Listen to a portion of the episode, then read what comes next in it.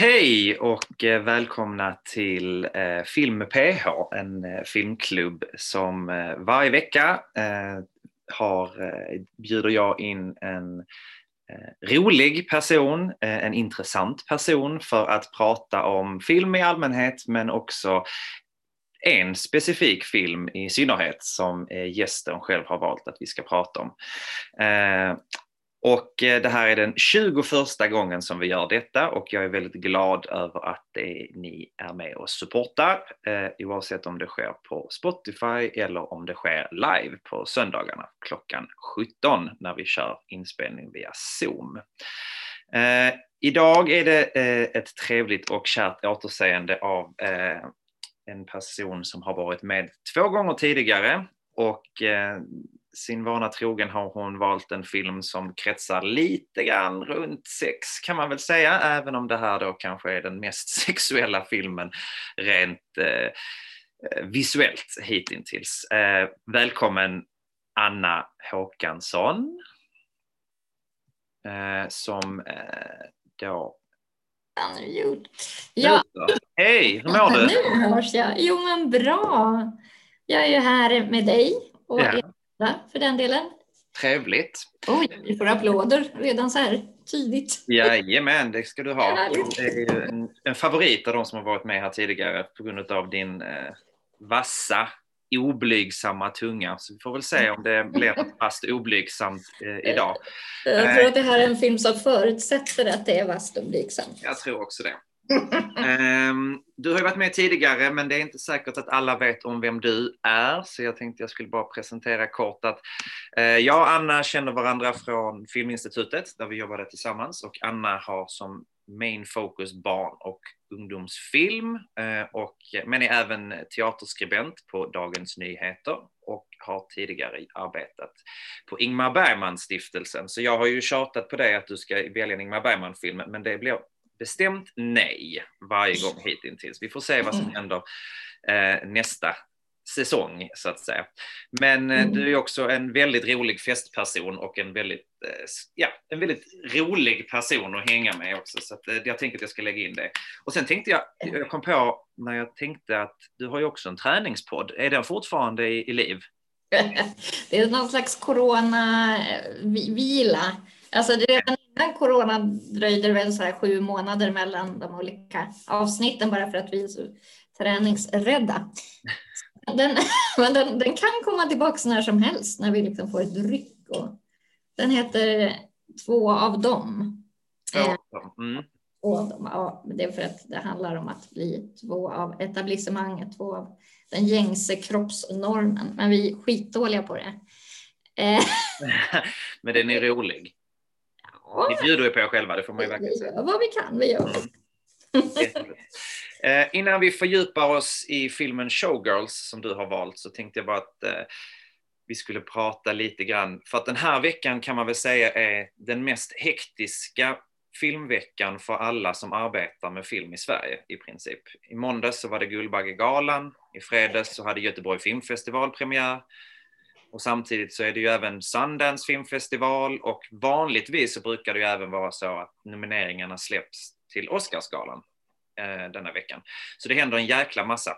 Eh, jag tänkte vi skulle prata lite mer om det även lite senare, men eh, vad tyckte du om Guldbaggegalan? Jo, det är kanske svårt, vi ska också tillägga att det är svårt att säga någonting som är kritiskt eftersom du också arbetar tillsammans med de som arrangerar Guldbaggegalan. jag har arbetat med Guldbaggegalan, så vi kommer ju självklart bara vara positiva på alla sätt och vis. Men, men någon, Absolut. Var det någon chock eller var det någonting? Ja, alltså det var väl kanske Uje att han fick skådespela, manliga skådespelarbaggen eh, var väl något av en chock. Men det, fast jag vet inte, samtidigt så är väl Guldbagge-juryn lite åt det där hållet, att de gillar liksom den här rena skådespelarinsatsen, så att säga, amatörer. Och så ja. amatörer. Eh, för, för, där är väl jag lite mer konventionell och kanske var med Team Lassgård på något sätt. Eh, sen så gillade jag den filmen mycket. Den var liksom varm och lite oväntad. I, eh, och oväntat älskvärd. just det. Ja. Eh, och det är ju Uje också, jag är ju så här gammal Dr. Kosmos-tjej, så, så jag har ju alltid velat ligga med Uje och det upphör inte på grund av sjukdomstillstånd och så vidare. nej, det är väl... så. Nej, nej, eh, det är ju bra, tänker jag. Ja. Eh, att det är så. Vi, kan, vi kommer att prata lite mer om Guldbaggen lite senare när vi round up detta samtalet. Men ehm, ja, nu så ska vi då prata om eh, Showgirls och eh, den här Eh, filmklubben som vi kan kalla det för då, eh, som jag vill kalla för Film med PH, därför jag tycker att det är lite, lite lättare att ha som namn när man eh, är med efteråt. Eh, får man ju då säga har sämst betyg på IMDB, garanterat, av alla filmerna som vi hittills har haft och är liksom en film som har kallats för So bad it is good och ingår lite grann i den kategorin. Ska vi läs, jag, jag berättar lite kortfattat om filmen innan du får berätta varför du valde just då den här mm. filmen. Uh, filmen kom ut 1995 och det är då en regissör som heter Paul Verhoeven. Och jag, nu har jag faktiskt inte kollat om han är holländare, men jag antar att han är holländare i alla fall. Mm. Uh, den Marks screen time, big screen debut för Elizabeth Berkley eh, som spelar Nomi Malone och sen finns det då ett gäng andra karaktärer men kanske den mest namnkända är ju Kyle MacLachlan från Twin Peaks bland annat och Dune som spelar en karaktär som heter Zack. Eh, tidigare så hade Paul Verhoeven gjort eh, Basic Instinct, Total Recall och Robocop innan den här filmen kom och efter den här filmen så gjorde han då Starship Troopers. Ehm, de andra har nu fått lite bättre betyg och renommé än vad just Showgirls har fått. Men det är ju då uppenbarligen en regissör som gillar snusk och sex och även sci-fi. Eh, en intressant grej med honom var, han är inte jätteung, han är ju typ 82 tror jag nu. Men för några år sedan så vann han faktiskt en Golden Globe för bästa utländska film för L. Så att he is going strong still kan man väl säga. Eh, på Wikipedia så benämns eh, Showgirls eh, handling som Nomi är en ung dagdrivare som kommer till Las Vegas för att slå sig fram som dansare. Eh, en ganska otillfredsställande Eh, beskrivning av en film, tänker jag. Så jag var inne och kollade på SF Anytime och då skriver de Naomi kommer till Las Vegas lockad av strålkastarljuset. Hon dras in i en farlig värld av passion, makt och pengar medan hon slår sig fram. Hon vill tillhöra toppen av Las Vegas-dansare. Kanske lite bättre. Vad, vad ska vi fylla på med för att liksom kunna... Ja, och det är ju en, eh, en outsider kan man säga. Det, det är någonstans en klassisk berättelse, liksom A Star is born eh, storyn yeah. till den här kontexten och liksom ska ta sig fram, klättra och i det här fallet så, så börjar hon i princip att strippa fast hon vill aldrig beskrivas som en strippa utan som en dansare. Mm. Eh, så det är en klassisk replik just när hon anklagar henne för att vara strippa. Hon säger I'm a dancer. Men, men eh, så hon börjar på ett lite sånt low life ställe eh, men hamnar sen på en sån där riktig Las Vegas show men som likväl är topless. Mm.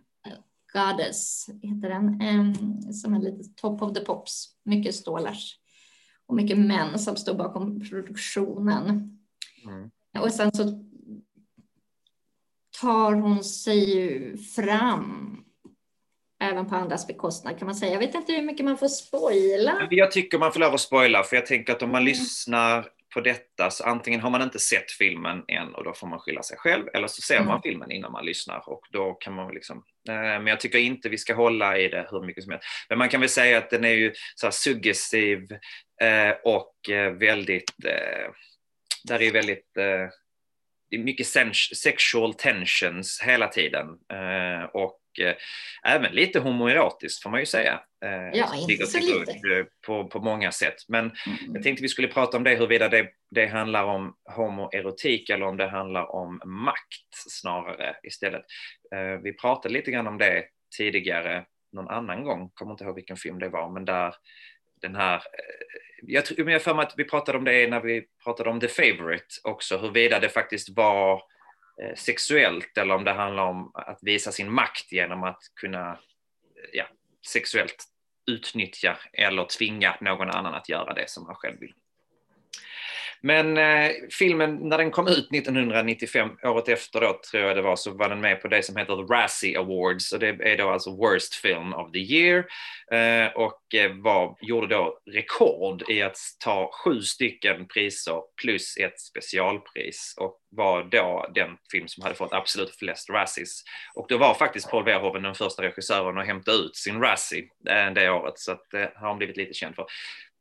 Sen dess har eh, det kommit några andra filmer som har gått om och mest belönad för sämst film är en film av Adam Sandler som heter Jack and Jill. Det blir lite trivia, men jag tänkte jag skulle kasta in det eh, i vilket fall eh, som helst. Men varför valde du att vi skulle prata om den här filmen? Tell me. Nej, men jag, jag, någonstans har ju både filmen och jag gjort en resa kan man säga. Första gången jag såg den så så betraktade jag den ju bara som sleaze liksom och tyckte att det var väldigt roligt, extremt underhållande och roligt för att den är ju. Det är svårt att säga att den är bra på ett sätt för att den är väldigt överdriven i nästan allt. Mm. Eh, det är en sån over the top film som, som sen fått en äh, återupp berättelse som heter Duga, där väl också min egen liksom, medvetenhetsresa följt filmen någonstans. Att, att den är så tacksam att göra någon slags här, feministisk nyläsning av. Mm. Eh, och att det är roligt att närma sig filmen som någonting annat än skräp. Och inte bara roligt utan givande. Filmen är jävligt givande och ju fler gånger man ser den desto fler dörrar öppnas, desto fler spegelbilder ser man bokstavligen för att den, den är full av sprängfull av symbolik. Mm. Är det någonting som är jag tycker nästan att det roligaste är att den är så explicit sexuellt. Det är så mycket kropp, det är så mycket tits and ass. Eh, en som... JJs. Eh, förlåt? Några VJJs också. Ja. För... Är några, några... Ja, det är, det är lite Barbie-känsla där. Förstås, men det är ju som med rakade kön. Förlåt. Nej, men det, det, det, blir ju det när man håller på med de där. Ja. Mm. Oh, oh ja, oh ja. ja det, det, är ju inte som i Basic Instinct, för där är det ju faktiskt ett orakat kön. Just det. Eller hur? Eller hur? Det förekommer inte här. Men det jag kommer faktiskt inte ihåg det. Jag tror redan, redan på den tiden att jag var skräck, med skräckblandad förtjusning tog mig an eh, det kvinnliga könsorganet. Men eh, det var ju eh, men som, som sagt, det är ju inte överdrivet mycket eh, kvinnliga könsorgan som är med. Det är ju absolut mest tuttar. Ja. Tuttar är härligt alltid, oavsett tycker jag. Ja, det är det ju. Och det som är roligt med liksom den typen av sexualitet som skildrar sig också att den i, i och med att den är så mycket finns det också någonting nästan hotfullt i den. Det är näst, mm. och, och scenerna, sexscenerna, vi måste analysera lite närmare sen Ja, ja, ja, absolut. Men de, de är ju liksom, nu är det klart att jag, när jag såg den första gången, ändå tyckte att det var väldigt, väldigt upphetsande på ett plan, men det är ändå det är så, så, så vridet så att det blir någonting mer än det. Och där är subversivt. Liksom. Tror du att eh, Elizabeth Berkeley då, eller Naomi, eller Naomi som hennes karaktär heter, tror du hon hade fått regi att hon skulle spela över så fruktansvärt mycket. Alltså att det var så att du ska verkligen liksom bara kör på, kör extra, extra, extra, extra. För att jag menar, eh, vi, behöver, vi kan ju prata om de här sexscenerna om ett litet tag, men bland annat sexscenerna, men jag tänker dansscenerna, jag tänker alla reaktioner, allting hon gör är liksom, det är liksom 150 procent. Jag tänker också att hon är så himla stor bidragande faktor till varför när man ser filmen första gången tror jag tycker att ja, men det här jag köper inte det, jag pallar liksom inte. För jag kan tycka att de andra skådespelarna ändå håller liksom en ganska så, liksom en, en lite lägre nivå ändå mm. på skådespeleri, medan hon kör, hon kör ju over the top all the way, men tror du att det är mm. meningen? Eller du har ju sett, ja. vi ska ju säga, det finns ju en dokumentär som är en och en halv timme lång, jag tänker du kan dra referenser till den, för den har du ju sett. Ja, precis. Och böcker och allting vad det har varit som har sagt ge den här filmen upprättelse. Eh, men du kanske ja. har sett någonting om hennes skådespeleri i Precis. Jo, men det pratar de ju om och där är ju Verhoeven väldigt tydlig med att det var avsiktligt. Och hon talar också i intervjuer efteråt om att det var meningen att det skulle vara roligt. Så som Kai McLachlan i intervjuer har pratat om att han aldrig inbillade sig att det skulle vara någonting annat än liksom ett high drama. Mm. Väldigt förvånad när han såg resultatet. Ja. Samtidigt som ju alla har följt med den här resan där, där filmen då liksom fått den här återupprättelsen som en knivskarp satir där man verkligen sopar mattan med hela eh, med, med eh, det system som utnyttjar kvinnor och människor. Så där, någon slags eh, rå kapitalism, att det är en uppgörelse med det helt enkelt.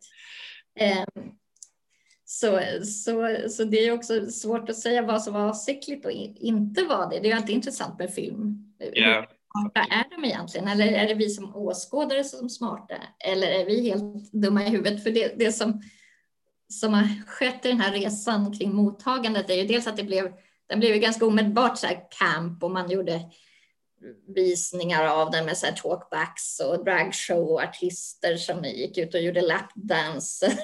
Mm publiken och ju grövre desto bättre och det har gjorts musikaler och så vidare. Men från det tills att man faktiskt liksom har tagit den seriöst. Mm. Den som, som just den här kritiken av hyperkapitalismen och så, särskilt efter metoo där allt det som händer i filmen, de övergrepp de här kvinnorna ändå utsätts för, de, de framträder ju inte alls som så absurda, för den gjordes ju långt innan den där tystnadskulturen liksom Eh, innan den gjordes upp med, som metoo gjorde. Eh, så, så, att på det sättet var det också före sin tid för att den är så oförblommerad i skildrandet av, av den där patriarkala maktstrukturen exempelvis. Eh, så, Men man kan väl upp, man kan ju också, alltså bara för, det, det, finns ju också ganska så mycket som är klassiskt i filmen, även om det är så att det är väldigt mycket nudity och det är lite, alltså det är ju överspel eller så kallat spel så som hon ska spela, men i vanliga ögon kanske överspel. Så det är en ganska klassisk story. Hon kommer från att ha varit ingenting, kommer lyckas hanka sig framåt för att bli dansare, lyckas få det där gigget som hon vill ha, kommer in men är inte nöjd, vill komma ännu högre upp och hamnar då i någon rivalitet med den här stjärnan då som heter eh, Crystal eh, Connors. Eh, mm. och Döpt efter champagne. Vad sa du? Hon har tagit sitt namn efter champagnen va? Mm. tror det. Mm. Nej, men, och de då börjar ju, det hamnar någon form av rivalitet som också bottnar i någon form av sexuell attraktion, kanske främst från Crystals håll, men som också är liksom maktbaserat. Och jag tror också att hon känner sig hotad av att hon ser att den här Nomi kommer in och är på något sätt den som är efterträdare på riktigt och måste då skapa någon form av dynamik. Men det fortsätter ju med då att för att Nomi ska bli den här huvuddansaren i det här eh, sällskapet eller den här showen som hon är i så eliminerar hon ju sitt motstånd eller den här konkurrenten som är Kristall och knuffar ner henne från en trappa som gör att hon försvinner. Det gör ju att Nomi blir top dog eller hon blir ju head, stjärnan Eh, och, eh, men det hela slutar ju då med att hon inser att ja, men det här går inte för mig för att jag är liksom bara en bricka i ett spel och jag vet inte vad det här går ut på på något sätt. Det finns också en mm. ganska obehaglig våldtäktsscen får man ju säga som är, man kanske kan tvista om huruvida den är relevant eller inte när filmens goda alibi, eh, Molly, eh, blir våldtagen av en mm. stor superstjärna. Kan man säga. Men jag bara menar att det finns ganska så mycket traditionellt historieberättande ändå och jag tror att det är det som Paul Verhoeven har pratat om att och även den här manusförfattaren som jag glömmer bort vad han heter, för han heter något jätteknepigt namn. precis. Men som säger att det här är ju egentligen en ganska så vanlig story, bara det att det utspelar sig, eller vanlig story, men att det utspelar sig hos så kallade sex och kroppsarbetare Eh, och därmed så har, blev den kanske lite mer bespottad därför att man per automatik tog att om en film utspelar sig i den miljön så är den inte riktigt seriös. Eh, eller att det kommer, man kan inte riktigt ta det på lika stort allvar för att man tänker att ja, men då är det bara en snuskig film, att man går in med mm. den idén ganska tidigt. Mm. Och det är kanske det som man har kommit fram till nu i efterhand, att den kanske har någon feministisk touch ändå. Eller? Ja, precis. Att, och, för de flesta män, eh, eller kritiker som skrev ner den, för den sablades ju verkligen längs med fotknölarna när den kom, var ju män. Och just avfärdade dels hennes skådespeleri då förstås, men också storyn och hur slisig den är.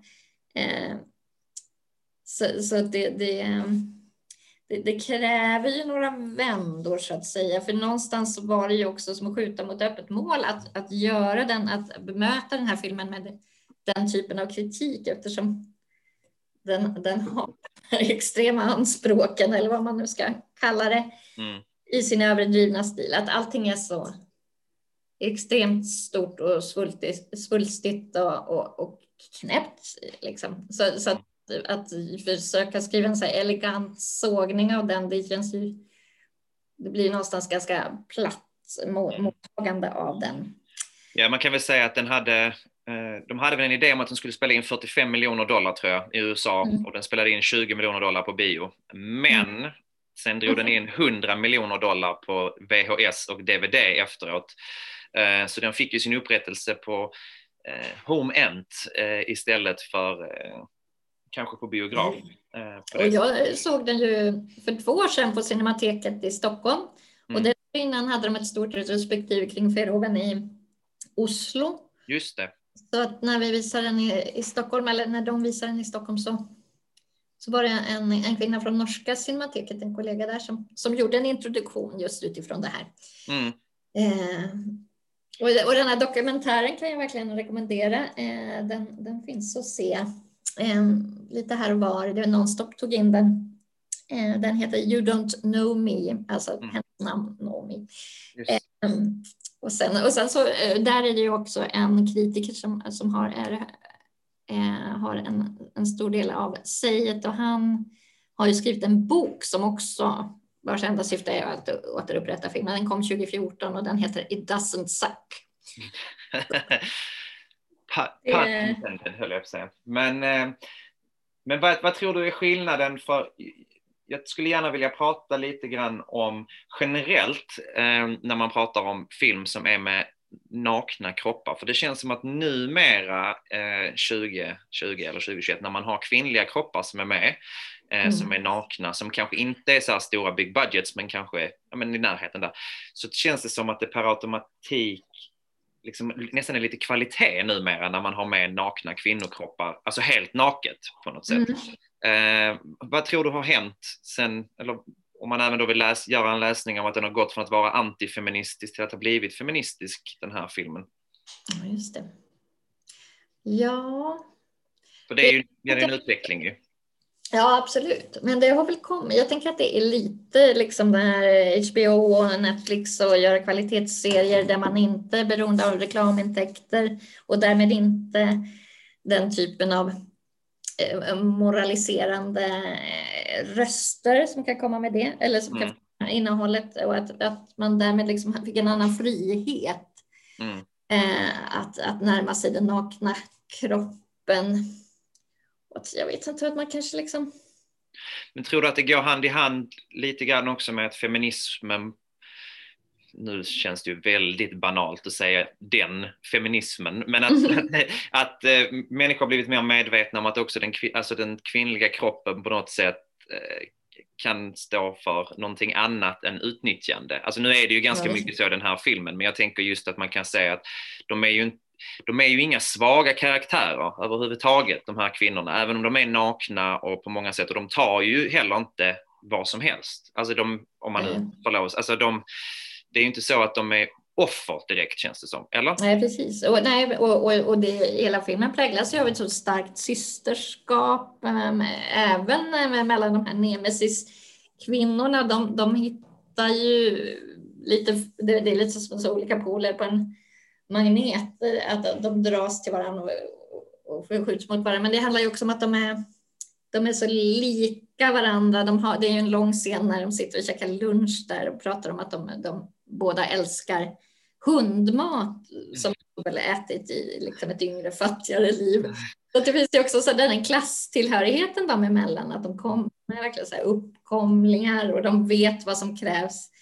Där den ena, ja, apropå det här med det är också ett återkommande tema kring liksom huruvida de säljer sig själva eller ej. Noomi med bestämdhet hävdar att hon inte är en hora. Liksom. Just det. Eh, och att, eh, medan den andra kvinnan eh, som är, är lite äldre och lite mer erfarenhet, erfaren ju, menar att det bara handlar om att att köpa och sälja någonstans, att de är offer för det systemet. Och det är ju det, när, när Naomi väl blir medveten om det systemet som hon också lämnade någonstans. Det finns ju men apropå det här med, med, med, nakna kroppar så handlar det väl just om ett upprättande av kvinnans sexualitet som ju verkligen den här filmen är ett exempel på. Det är inte för män utan det är liksom någon slags performativt i den där det är ett medel också. Kanske inte så mycket ett njutningsmedel men ett medel att ta sig fram och liksom någonting som är större än att vara ett offer i alla fall. Eh, det finns ju en jättefin scen som jag tänkte på nu när jag såg den igen, när hon sitter och käkar hamburgare, för det är mycket kring deras diet, för hon ska ju hållas liksom, hon ska mm. bara äta brown rice och vegetables. Ja. Just det, mm. Hålla sig till. Men, men, hon älskar hamburgare, så det är väldigt många scener när hon käkar hamburgare eh, i någon slags proteströrelse. Och i den här scenen just så sitter hon eh, på eh, kylaren, heter det? Det är det som är fram på en bil. Huven kanske till och med? Motorhuven, ja. Mm. Eh, och käka hamburgare och så, så är det en stor lotusblomma alla, alla Las Vegas som är under henne. Och det är så himla tjusigt på något sätt. Men det är väl också där hon någonstans ta, beslutar sig för att hon ska lämna det här livet och dra därifrån ja. innan hon åker och, på ja, någon form av eh, det är, det är en väldigt rolig fight-scen då när hon spär upp den här eh, eh, våldtäktsmannen då tillika superstjärnan som är någon artist som spelar på de här kasinorna som också våldtar hennes kompis mm. eh, Molly då på ett väldigt brutalt sätt får man säga. Hon hamnar ju på sjukhus och, och så. Det gör ju att eh, huvudkaraktären Nomi fatt, Blair bestämmer sig för att ja, men det här, jag kan inte vara här. Eh, mm. Hela filmen avslutas ju sen då därefter med att hon åker till Los Angeles. Jag läste det att det fanns ju egentligen tanke på att det skulle bli en uppföljare, men tack vare att den oh. blev så enormt bespottad den här filmen så blev det ju inte en uppföljare. Men det var intressant mm. att se vad som hade hänt i Los Angeles. Ja. Eh, Tänk om de kunde göra den nu, 25 år senare never know. Hon är fortfarande aktiv. Hon, hon mm. Elizabeth Berkley slog igenom i det här som heter Pang i plugget, väl, typ Saved by the Bell var hon med. Och då mm. finns ju, 2020 så gjorde de ju en revival där hon också varit med, så hon kanske ska göra en ny eh, version av Showgirls. Men, jag tycker, ja, det men det jag kan gilla med det här, eh, den här filmen också, för, har du varit i Las Vegas någon gång? Nej, tyvärr. Nej, det är ju ett av mina favoritställen i hela världen, fast jag också avskyr det. Eh, jag har varit där massvis med gånger, tyvärr.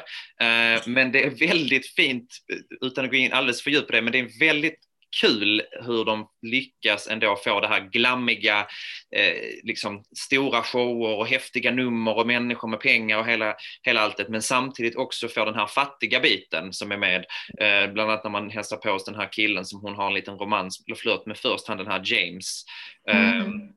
Som ska skriva något nummer till henne som bor i en liten liten skitstudio någonstans. Och, och att de hela tiden är så här struggling på något sätt. Samtidigt som det som de put on display for the world är ju också så här, de häftigaste numren, de, liksom det är neon, det är glitter, det är sex, det är dansare, det är allt det där.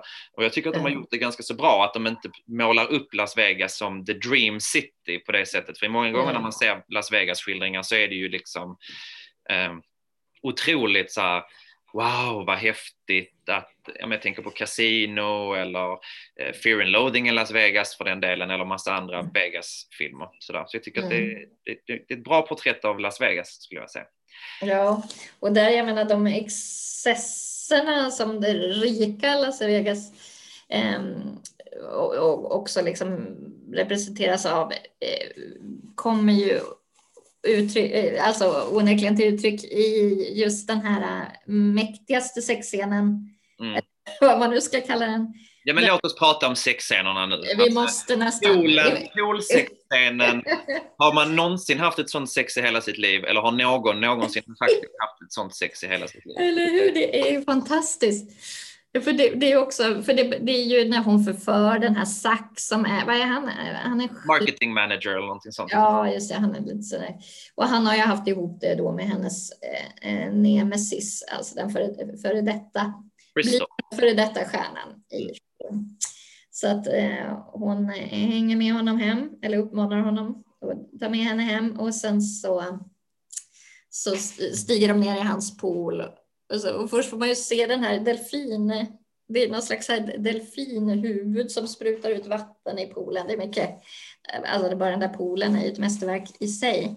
Och, det, och, det, och, när de tänder palmerna så har de satt in neon i palmerna som de tänder så att det ser ut som att, eller så att i palmerna så är det neonpalmer som är verkligen så här, gjorda som palmer.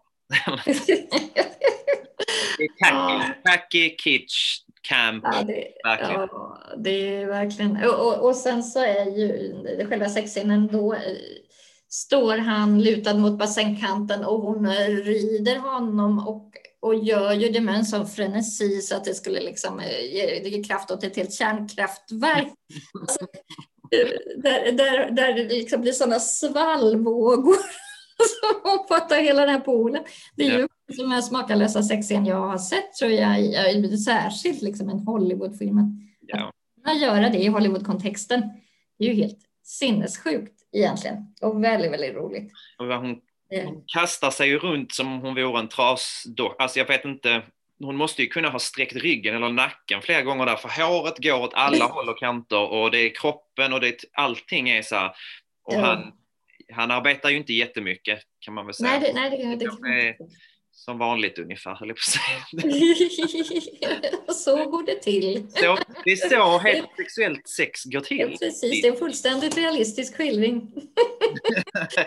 Om man ändå ska vara i en pool, så varför inte kasta? Ja, nej, men, eller hur? men jag undrar, hon måste ju ändå ha hoppat av så att säga, rent, eh, även om man liksom föreställer sig att det skulle ha kunnat fungera. Det är ju liksom rent praktiskt omöjligt Ja, ja. men i alla fall. Eh, underbar, underbar scen ju. Vi ska eh, lyssna på en, eh, jag tänker att vi lyssnar på en liten eh, pauslåt här emellan och sen när vi kommer tillbaka så tänker jag att vi ska prata lite mer om eh, så kallade film, de, de filmerna som kallas So bad it's good movies och sen så ska vi även prata tipsa lite grann om lite olika eh, saker. Men vi kör en liten eh, låt in emellan. Think of them at all. You keep your mind on the money, keeping your eyes on the wall.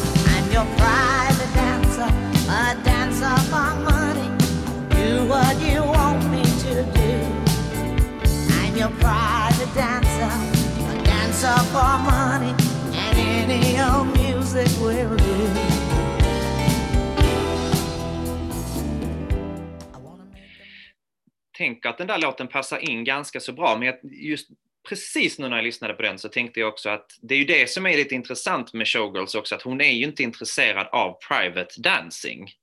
Vilket ju kan kopplas då med prostitution kanske lite mer eller vad man ska säga, utan det är just det att hon vill vara en showgirl. Eh, jag får väl klippa in det här eh, fyndiga som jag kom på här lite tidigare på något sätt. Uh, jo, jag tänkte, för det, du, du sa ju det att när filmen kom, uh, så nästan så genast så omfamnades den säkerligen, och det kan jag tänka mig av så här hbtq eller drag show-världen, därför att man har ju en tanke på att saker och ting som är camp eller som är lite överdrivet och hela den grejen, det är ju verkligen drag. Jag tänkte verkligen på det, om man tittar på till exempel RuPaul's Drag Race, så är det ju de, de mest överspelade, töntiga eller galna grejerna som de gör i den serien som egentligen är ganska så dåliga. Det är ju de man skrattar mest av, de man njuter mest av. Att på något sätt att bara för att en film är så kallat dålig betyder inte det att den inte är underhållande. Eh, och jag tänker att 90-talet var väl jävligt duktiga på att göra sådana där typer av filmer, eller? Oj, har jag stängt av dig nu? Jag som eh, Jo, fast de är ju inte riktigt lika bra, för det kom ju en uppsjö liksom striptease. Jag vet inte mm. om det var tidigare eller... Lite efter tror jag. Kan det ha kommit 97? Ja, och, och, det är ju lustigt att de ändå väljer att göra den. Då måste de ha varit medvetna om just den här video om entertainment-succén som Showgirls ändå gjorde. För att det, just när det kommer till the artwork är det i alla fall en kopia ju någonstans. Ja, det, ja precis. Eh, men det är lustigt just att, eh, för det, det pratar de om i den här dokumentären, att, att eh, just när det kommer till satir och sånt, att det, det var ganska oironiska filmer någonstans. Och i Fairhavens fall, då hade ju han hans filmer hade ju ändå liksom setts som någon slags satiriska filmer eh, innan när de handlade om typ så här, vålds eh, monopol i USA som i Robocop och sådana grejer. Men, men att när det bara blev sex, då var det som att han det försvann liksom idén om att det kunde vara satir för att då uppfattade man honom mer som pervers rätt och slätt. Att man inte kan liksom ha de två tankarna i huvudet samtidigt. Det är väl det som gör den här typen av så, här då, så, så dåliga filmer så att de blir bra filmer. Mm. Det finns någonting i grunden subversivt för att det utmanar de där idéerna om bra och dåligt och att man liksom faktiskt kan tycka att det är både och samtidigt och det i sig finns någonting nästan genialt. Mm. Att man kan åstadkomma det överhuvudtaget, det är ju jävla under. Verkligen. Men jag tänker, eh, innan vi ska avsluta så tänkte jag att, eh, och sätta lite P ändå för Showgirls. Eh, för nu tror jag att vi har gjort en, en bra kampanj för att få folk att se den. Men du som har ändå sett den här dokumentären tidigare och valde den här filmen och tycker ju om den här filmen mycket. Mm. Kan du säga vad, vad, vad det är folk som du eller de som eh, har skrivit boken It doesn't suck eller så. Vad är det man, vad är det man är ut, vilka komponenter är det som folk missade då eller vilka komponenter är det som folk kan missa idag som egentligen gör den här filmen bra? Eller förstår du vad jag menar? Ja, men dels så tänker jag att det liksom är någonting i hur man värderar underhållning som ju egentligen inte har liksom med huruvida filmen är smart eller ej att göra, men den är ju alltså rent krasst djävulskt underhållande. Och mm. det i sig är någonting man har uppvärderat. Men sen också när man faktiskt börjar närstudera vissa scener, att man liksom ser hur, hur genomtänkt den också är i, de återkommande spegelmotiven exempelvis. Och, och hur man också involverar referenser till andra filmer med samma typ av story. Och, och också, för det, det pratar de mycket om i den där dokumentären och, och ger också massa roliga bildexempel på just den där typen av överdrivet skådespeleri, vad det har bidragit med, liksom som i Mummy Dearest exempelvis. Mm. Eh, jag tänkte på den, eh, ja, hur som helst, det finns ju massor med filmer där framförallt skådespelare som är kvinnor ger den typen av performativt over the top skådespeleri och att det är någonting eh, spännande i sig. Yeah. För liksom sätter på kartan, alltså man, man, det, är som, som den här typen av överdriven sexualitet man ger uttryck för, att det blir någon slags, det som female drag kan vara, att man liksom iscensätter eh, genus helt eftersom man överdriver så himla många gånger om. Eh. För jag tänker att det som är intressant här, om man, om man jämför, det finns ju en ganska så det är ju helt omöjligt att inte prata om, när man pratar om dåliga filmer som ändå fått genomslag, så The Room till exempel, mm. eh, som ju ändå var eh, som har blivit kallat den sämsta filmen som någonsin har gjort. Och det har ju, folk älskar ju att titta på den filmen i vilket fall som helst. Men den har ju egentligen inte någon hantverksskicklighet, för det har man ju ändå i den här filmen, får man ju säga. Eh, förutom mm. kanske då skådespeleriet, om man då vill tycka att skådespeleriet inte är med. Men det finns ju ändå grejer i den här filmen som gör just hantverket bra. Då pratar du en del om speg speglar framför allt ju, som är en viktig del när man gör en film om eh, konkurrenter, kan man väl säga. Mm. Uh, och så.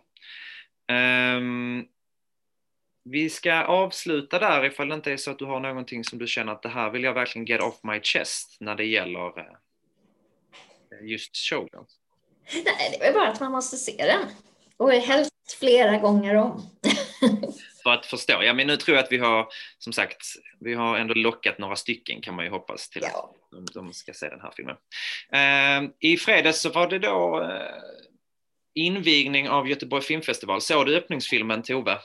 Jajamän. Mm, jag missade faktiskt att vara med, men vad, vad tyckte du om den då? Jo, alltså jag eh, gillade mycket men var kanske inte så blown away. Men jag, jag tyckte framförallt att, att så, äh, heter hon Alma Pöysti? Mm. Ja, var så himla himla fin yeah. i huvudrollen. Så, eh, lite, lite konventionell kanske för min smak i övrigt. Ja. Men, Det är, men då, det är en film om eh, Tove Jansson som gjorde, har då skapat bland annat Mumintrollen och eh, det är Finlands Oscarsbidrag och har ju varit jättepopulärt. Så, har du kollat programmet på Göteborg Filmfestival? Är det någonting du kan rekommendera? Någonting annat?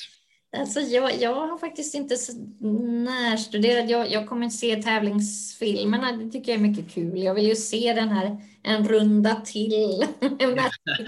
till exempel. Mm. Med massa karlar som dricker sprit. Det är väl härligt. Eh, och sen eh, är jag ju svinnyfiken på Pleasure. Mm. Som jag inte har sett någonting av i princip. Eh, och jag tycker att det ska bli så kul att se eh, Ninja ett tag i, i Ja. Porrindustrin. Liksom. Mm. Det ska bli intressant att höra vad du tycker om den. Jag har, jag har sett Another Round, jag har sett Pleasure och jag har sett Mm. Tigrar också som Ja. med.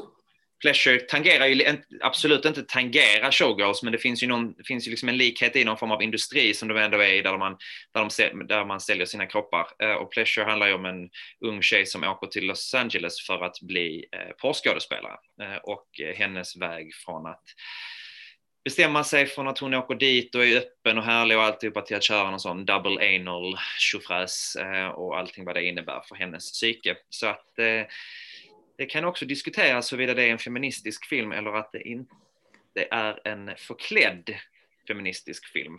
Mm. Eh, Vi, håller, vi håller på det tills någon annan Mm. har sett den här filmen så vi kan prata om det. Men jag tyckte att den var absolut sevärd och eh, intressant, om än ännu mer brutal än vad Showgirls var. Mm. Eh, Jag har inte heller jättebra koll egentligen på programmet, men man kan ju typ se 70 filmer för 300 spänn eller någonting, så man kan ju Ja. på och göra det. Det tycker jag ändå kan vara värt, så att säga. Ja. Ehm, annars under veckan så kan man väl säga att det skulle ha släppts en jäkla massa olika awards-grej, awards-nomineringar och så om det hade varit en vanlig vecka, men det har det inte gjort.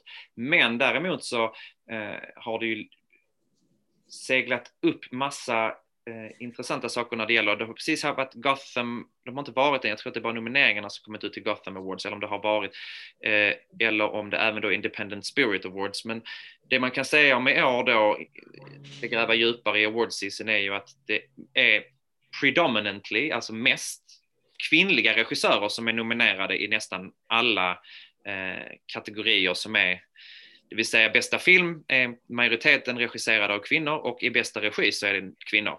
Eh, Och på Gotham Awards som är det som anses starta de här award season så var det faktiskt bara kvinnor nominerade till bästa regi, vilket jag tycker är väldigt roligt. Eh, Det kan man väl analysera om det har att göra med att männen tyvärr då, när de har gjort film så ställer de in sina filmvisningar därför att man kan inte släppa ja, de stora Mm. grejerna. Men det är kul i alla fall att eh, vi har en award season som består av främst eh, män.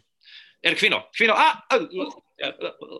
Eh, Och hoppas inte det var freudians nu. Fan också. Åh, nej. Det, Ja, vad ska man göra? Man är en slav under män. man är ju en slav eh, under männen. Det kan man verkligen säga. Ehm, och en annan sak som också kom ut under veckan, ifall vi ska ta en annan liten eh, nyhet för er som har följt med den här podden, så pratade vi ju tidigare förra veckan, eller var det för förra veckan, om Army Hammers kannibalism Ja. Story. Har du, är du insatt i den? Ja, ja, det har jag ju hört, men jag missade det när, när ni pratade om det. Ja, eh, nej men det är ju short story, eller long story short så är han ju anklagad för att ha varit intresserad av slash försökt utföra någon form av kannibalism på ex-flickvänner eller på potentiella personer och eh, det har ju blivit en stor härva och han har väl förnekat det ish men inte och det finns meddelande och vad är det som har hänt eller vad är det som inte har hänt. Och vissa menar ju att det bara är ett eh, något trick för att få uppmärksamhet. Jag tycker att det känns som ett ganska så brutalt trick för att få uppmärksamhet eh, och ganska så mm kan vara ganska så förödande för hans karriär. Däremot så kom det då ut denna veckan att eh, hans gamla motspelare Timothée Chalamet, eller vad han Mm. nu heter om man ska uttala det, och Luca Guadagnino som, gjorde, som regisserade Call Me By Your Name har då Mm. kommit ut denna vecka med att de ska göra en film som heter, eh, ja vad hette den? Bones and All, det vill säga då en kannibalhistoria om en, en ung kille som, en uppväxtskildring av en ung kille som är kannibal. Eh, kan det verkligen vara en coincidence? Ja, det låter ju helt absurt. Eller hur? Jag tänker det. Det låter ju... Är det, är det möjligt att det, de två grejerna kan vara vitt skilda? Vi tänker alltså... Eller? Ja. ja, det är ju faktiskt jätteskumt. Eh, men för det är ju inte så ofta man har, eller det är ju inte liksom något som trendar med kannibalism. det är liksom inte top of mind för, för de flesta, men jag är ju inte den som är fördomsfull om alla är med på det och så vidare. Men det, det är också jätte, jättemärkligt. Men Armie Hammer ska inte vara med i filmen då? Nej, nej. Han fick ju hoppa av någon film också nu nyligen för att eh, de här kannibalhistorien hade ju gjort mycket ja. och han var tvungen att vara hemma och ta hand om sina barn eh, tack vare ja. att det hade spridit sig och så vidare. Eh, det känns som att det är en intressant utveckling. Det kommer väl bli en följetong i den här samtalsserien. Eh, för att ja, Army Hammer är ju en person som många tycker är väldigt sexig och jag undrar ifall det är så att folk mm. tycker att han är ännu sexigare för att han har en skev, skev sexualitet på något sätt. För det är ju inte Hannibal mm. Lecter liksom. Det är ju ändå bara, han vill ju bara nibbla på en öronsnibb eller ha något revben och grilla på grillen liksom. Bara, men... Var det inte hjärtan involverade? Nej. Jo, han ville väl hålla ett hjärta kanske när det pumpade. Hålla, ja. Okay, ja. Men man tänker att han potentiellt kunde, skulle kunna skjuta ett rådjur eller någonting i så fall, ifall det var liksom själva fysiska grejen. Ja. Det är något annat som ligger bakom. Men det kommer bli en följetong i alla fall. Jag tyckte det var roligt att Luca och Timothy kommer ut den här veckan med att de ska göra kannibalfilm med tanke på deras tillhörighet till mm. eh, Monsieur Army Hammer.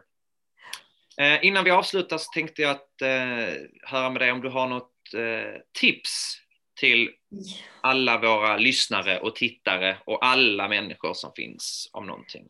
Ohoho, just det. Jag gissar Somalia. Det borde ju vara något som jag hade rotat fram på Göteborg Filmfestival och faktiskt sett. Men, men jag vet inte. Jag, jag kan nog ändå tycka att, Pleasure kan få vara ett tips även om jag inte har sett den. Kan det vara så? Men vad baserar du det på då, tänker jag? Då måste du ändå säga, även om du inte har sett den och du ska ja och du säger varför tipsar vi om eller du? Nej, men för, Jag tycker att det är, är spännande med ändå en uttalat feministisk regissör som har gjort jäkligt roliga eh, grejer innan. Girls and Boys, den eh, kortfilmen hon gjorde tidigare, eh, tycker jag jättemycket om.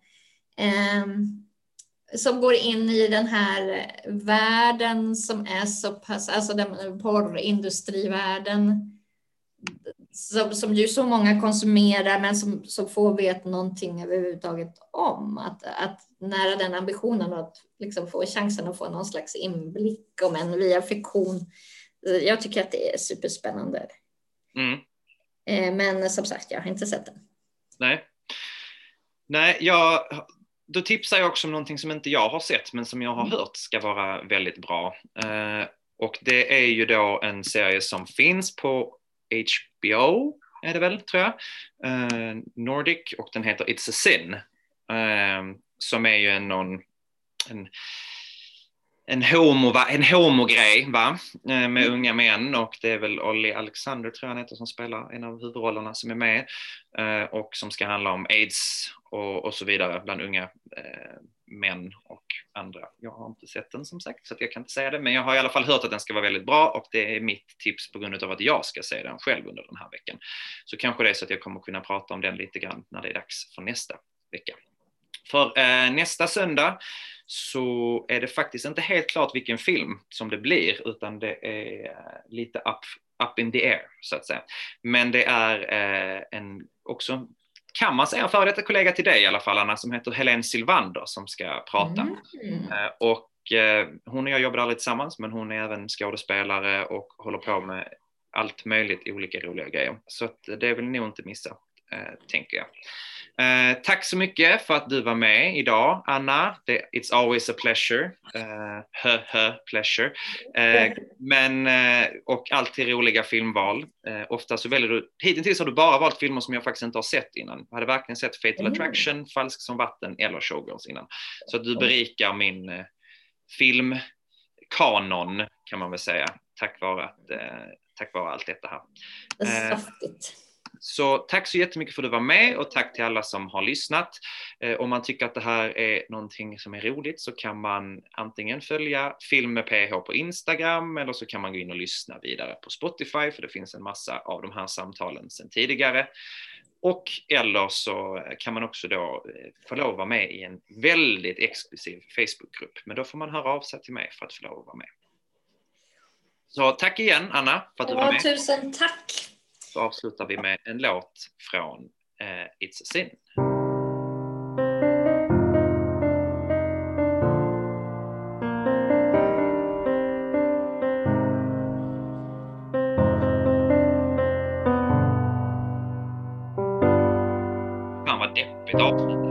When I look back upon my life It's always with a sense of shame I've always been the one to blame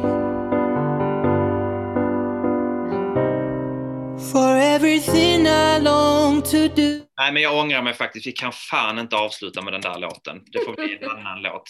Uh, det får bli den här uh, istället, uh, tänker jag. den känns lite mer lite mer aktuell i alla fall eller lite mer roliga. Just.